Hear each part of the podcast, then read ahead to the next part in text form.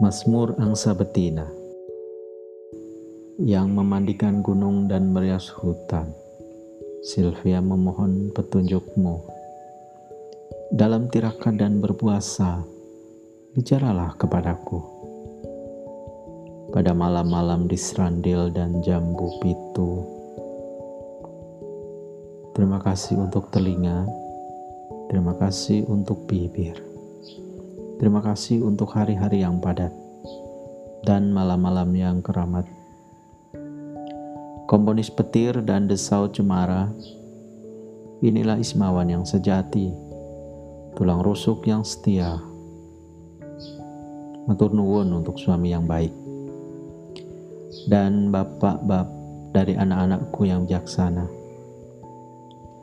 Meskipun tidak memintal seperti Mahatma Gandhi, tidak mengajar seperti Nurholis Majid. Dia juga memberikan inspirasi, mencintai orang papa.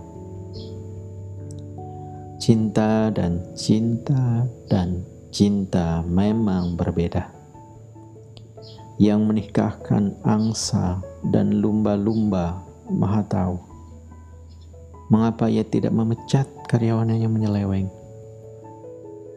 Padahal Istri mereka menangis kepadaku.